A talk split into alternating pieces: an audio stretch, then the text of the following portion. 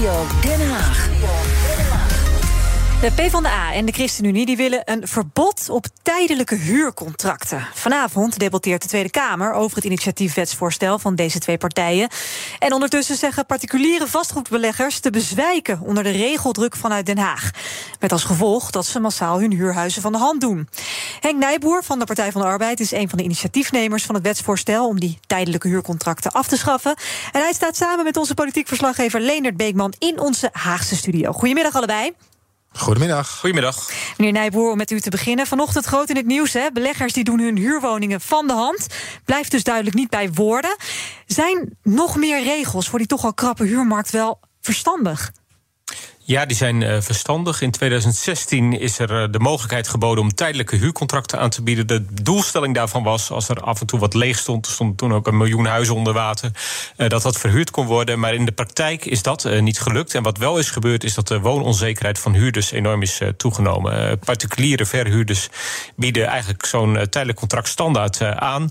en verhogen dan de huren na twee jaar, hmm. de periode dat het maximaal mag duren. Of zeggen, het huurcontract is afgelopen en zoek maar wat anders en huurders kunnen dan geen kant op. Ja, dus het werd eigenlijk een middel voor de verhuurders om die prijzen omhoog te kunnen gooien. En misschien toch ook om zich te verzekeren dat ze ja, om de twee jaar misschien wel een, een fijnere huurder kunnen vinden als dat nodig is. Nou ja, zo is precies. En, uh, en flexibiliteit uh, behouden. Maar dat ging dus ten koste van uh, de zekerheid die huurders voor 2016 hadden. En wij willen die wet die toen is gewijzigd weer terugdraaien. Zodat een vast huurcontract weer de norm is voor huurders. Ja, ja, dus af van die tijdelijke contracten. Leendert, minister De Jonge die kwam deze week plotseling met een soort variant op deze initiatiefwet van Henk Nijboer. Hij wil geen totaalverbod op die tijdelijke contracten. Maar gemeenten krijgen wel de mogelijkheid om tijdelijke contracten in kwetsbare wijken te verbieden. Waarom daar wel? Voor de sociale cohesie, Nina. Ze te zorgen dat die wijken. Uh, ja, dat, dat, dat, dat ze kunnen groeien, dat ze kunnen bloeien. En dat er niet constant voor een halfjaartje iemand woont en dan weer weggaat. En dat hm. is voor Hugo de Jonge de reden dat hij met zijn eigen voorstel is gekomen. Ja, meneer Nijboer, klinkt best plausibel. Bent u daar bereid om daarin mee te gaan, in het plan van de Jonge? Ja, de, de, kern van ons voorstel is dat je huurders uh, beschermt... Uh, en dat je niet die verhuurders de macht geeft om uh, na twee jaar te zeggen... ga maar weg of betaal een veel hogere huur. Dat is echt wat er nu gebeurt. Hè?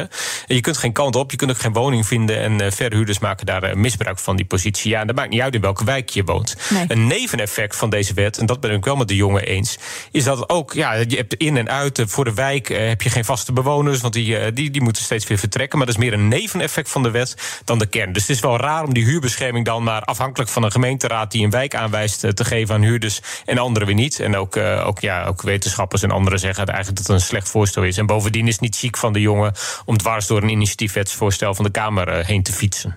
Leendert, waarom komt de jongen nu met zijn eigen plannen? Nou, hij noemt twee punten die eruit springen. De eerste is een totaalverbod zou leiden tot minder huurwoningen op de markt. En het is niet nodig, omdat de huur namelijk gereguleerd gaat worden. En dan met name de middenhuur.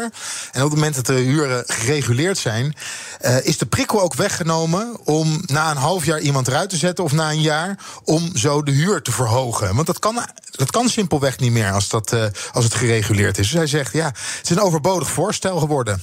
Ja, dus dat is geëvalueerd. Hè. De wet is geëvalueerd. Dus uh, er is uitgebleken dat niet kan worden aangetoond dat er meer huurwoningen doorkwamen. Wat wel de doel, het doel van de wet is. Wat ja. wel is gebeurd, is dat, en dat was niet het doel van de wet, is dat de huurcontracten in de private sector, dus niet voor woningcorporaties, dat mensen geen vaste huurcontracten meer kregen. En dat was helemaal niet de, de bedoeling daarvan. Maar ze hebben eigenlijk die verhuurders hetzelfde gedaan als op de arbeidsmarkt. Dan krijg je eerst een jaarcontract en vervolgens uh, kun je vast blijven. En dat is nooit de bedoeling van die wet geweest.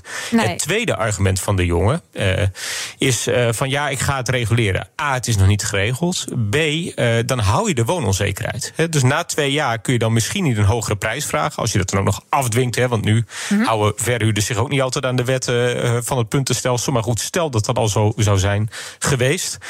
dan nog kun je, heb je geen woonzekerheid. En kun je uit je huis worden gezet. En kan er een andere huurder komen. Omdat de verhuurder de flexibiliteit wil houden. om er wat anders met dat pand te doen. Dus ook daar is de bescherming die de jongen biedt onvoldoende. Leendert, is er steun in de Tweede Kamer voor het helemaal afschaffen van tijdelijke huurcontracten? het, het, mooie en het leuke van het uh, initiatief wetsvoorstel is dat hij zowel vanuit de coalitie komt, van de ChristenUnie, als vanuit de oppositie van de Partij van de hmm. Arbeid. En dan is het in de Kamer zoeken naar steun. En de steun lijkt er te zijn. Uh, de PVV, naar alle verwachtingen, gaat het steunen. Maar ook D66. En ik heb even gesproken met Boulak Jar, de woordvoerder op het gebied van wonen van D66. Wij staan hier positief in. We zien dat de tijdelijke huurcontracten in uh, grote steden als Amsterdam... maar ook uh, andere steden de, de, norm aan het worden zijn. Dat mensen steeds meer uh, woononzekerheid hebben. En dat is iets wat geen goede ontwikkeling is. En dat moeten we proberen te stoppen. En deze wet die vandaag voor ligt van collega's Nijboer en Ginwis... Ja, die ondersteunen wij. Ja, dus de vraag is niet gaat hij het halen?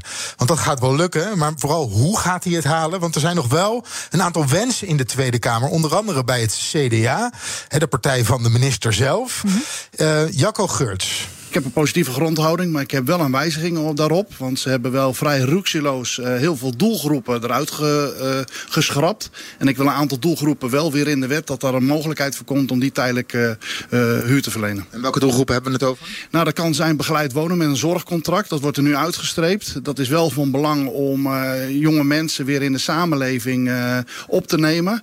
En dat ze ook weer een plekje verder kunnen. bijvoorbeeld ook iemand die dakloos is. dat die weer uh, ja, zeg maar zijn leven wil opbouwen... dat zou in eerste instantie met begeleiding een tijdelijk huurcontract kunnen. En dat hij daarna doorgroeit naar een andere wijk of naar een andere plek. En die mogelijkheden moeten wel blijven. Die zijn er nou allemaal uitgestreept. Ja, dus voor steun van het CDA, en dat is een harde mhm. eis... Uh, geen algeheel verbod op die tijdelijke contracten, maar toch een beetje maatwerk. Ja, meneer Nijboer, uh, een dakloze die wel aan twee jaar binden... of uh, wellicht iemand begeleid wonen. Misschien kun je ook aan expats denken. Is dat iets waar u de handjes voor op elkaar krijgt?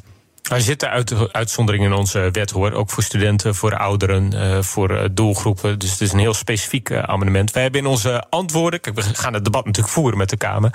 Maar in de antwoorden van de schriftelijke vraag van de Kamer. zijn er partijen die zeggen: je moet juist minder doelgroepen hebben. Want iedereen ja. verdient van onzekerheid. Mm -hmm. En anderen zeggen, zoals het CDA, van je moet eigenlijk daar zoveel mogelijk van hebben om die mogelijkheden te houden. En wij hebben gezegd: nou ja, er zijn voor beide zaken, voor beide kanten van de zaak is best wat te zeggen. Dus we zijn benieuwd wat de Kamer daarvan vindt. En zullen daar ook op reageren. En de Kamer kan natuurlijk amendementen op onze wet uh, aannemen. Maar de kern, uh, dat uh, de flexibele huurcontracten, dat daar een einde aan moet mhm. komen. En dat vaste contracten de norm zijn, verwachten we een meerderheid voor. En ik zie echt uit naar de debatten in de Kamer. Dat is prachtig om te doen als medewetgever, wat je als Kamerlid ook bent. En dat heeft u dan vanavond. U zei wel al dat u het niet ziek vond dat, we, dat meneer De Jonge echt een beetje uw plan doorkruist. Hè? Daar gaat u nog even op aanpakken vanavond.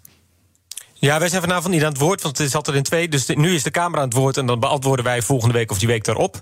Uh, en de jongen komt ook dan pas aan het woord. Uh, maar uh, dus vanavond zult u dat in het debat niet horen. Maar ik vind het echt ongepast als de Kamer een initiatiefwet maakt. dat je als minister daar een beetje tussendoor komt fietsen.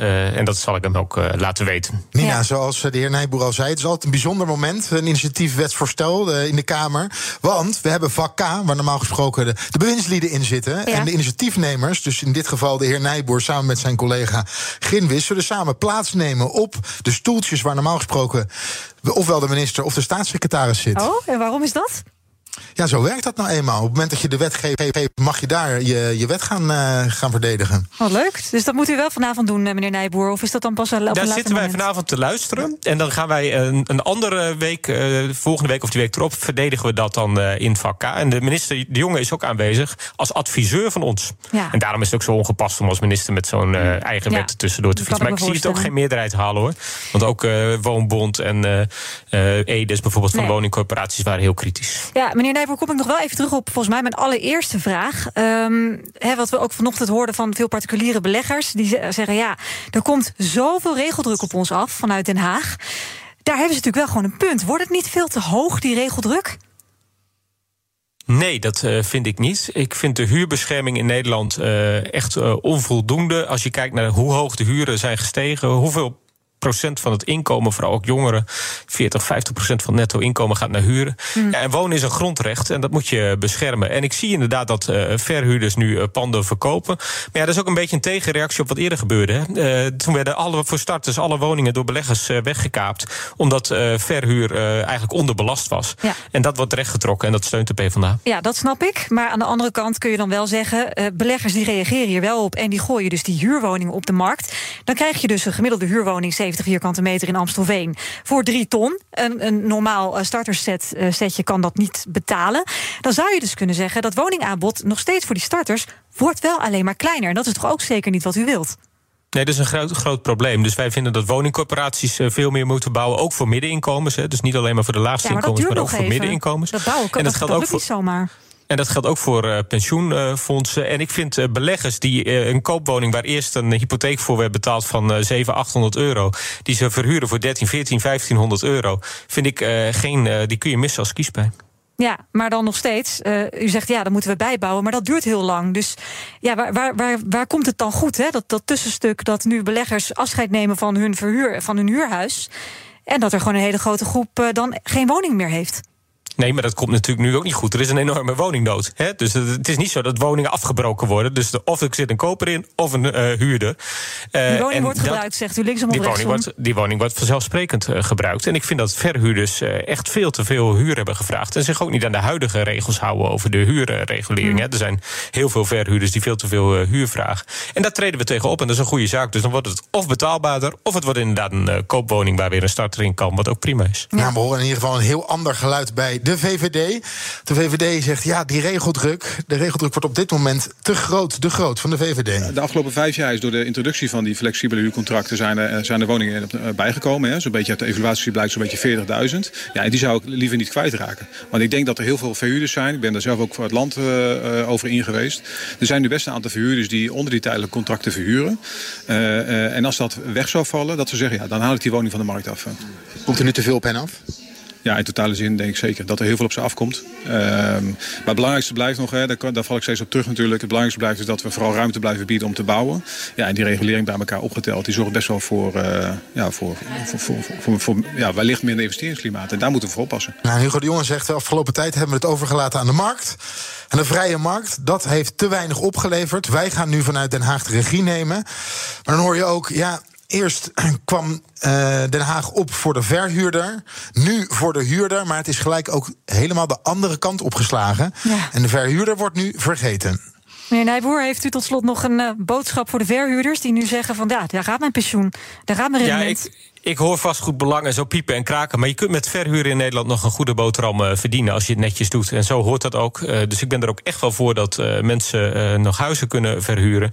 maar wel tegen normale condities. En niet voor een grote onzekerheid voor huurders of voor torenhoge huren die niemand meer kan opbrengen. Nee, dus u blijft uh, keihard strijden voor in elk geval het afschaffen van die tijdelijke huurcontracten. Ik wens u veel uh, uh, plezier en ook succes met uw initiatiefwetsvoorstel. PvdA-Kamerlid Henk Nijboer. Ja. En jij ook dank, Leender Beekman, politiek verslaggever vanuit Den Haag.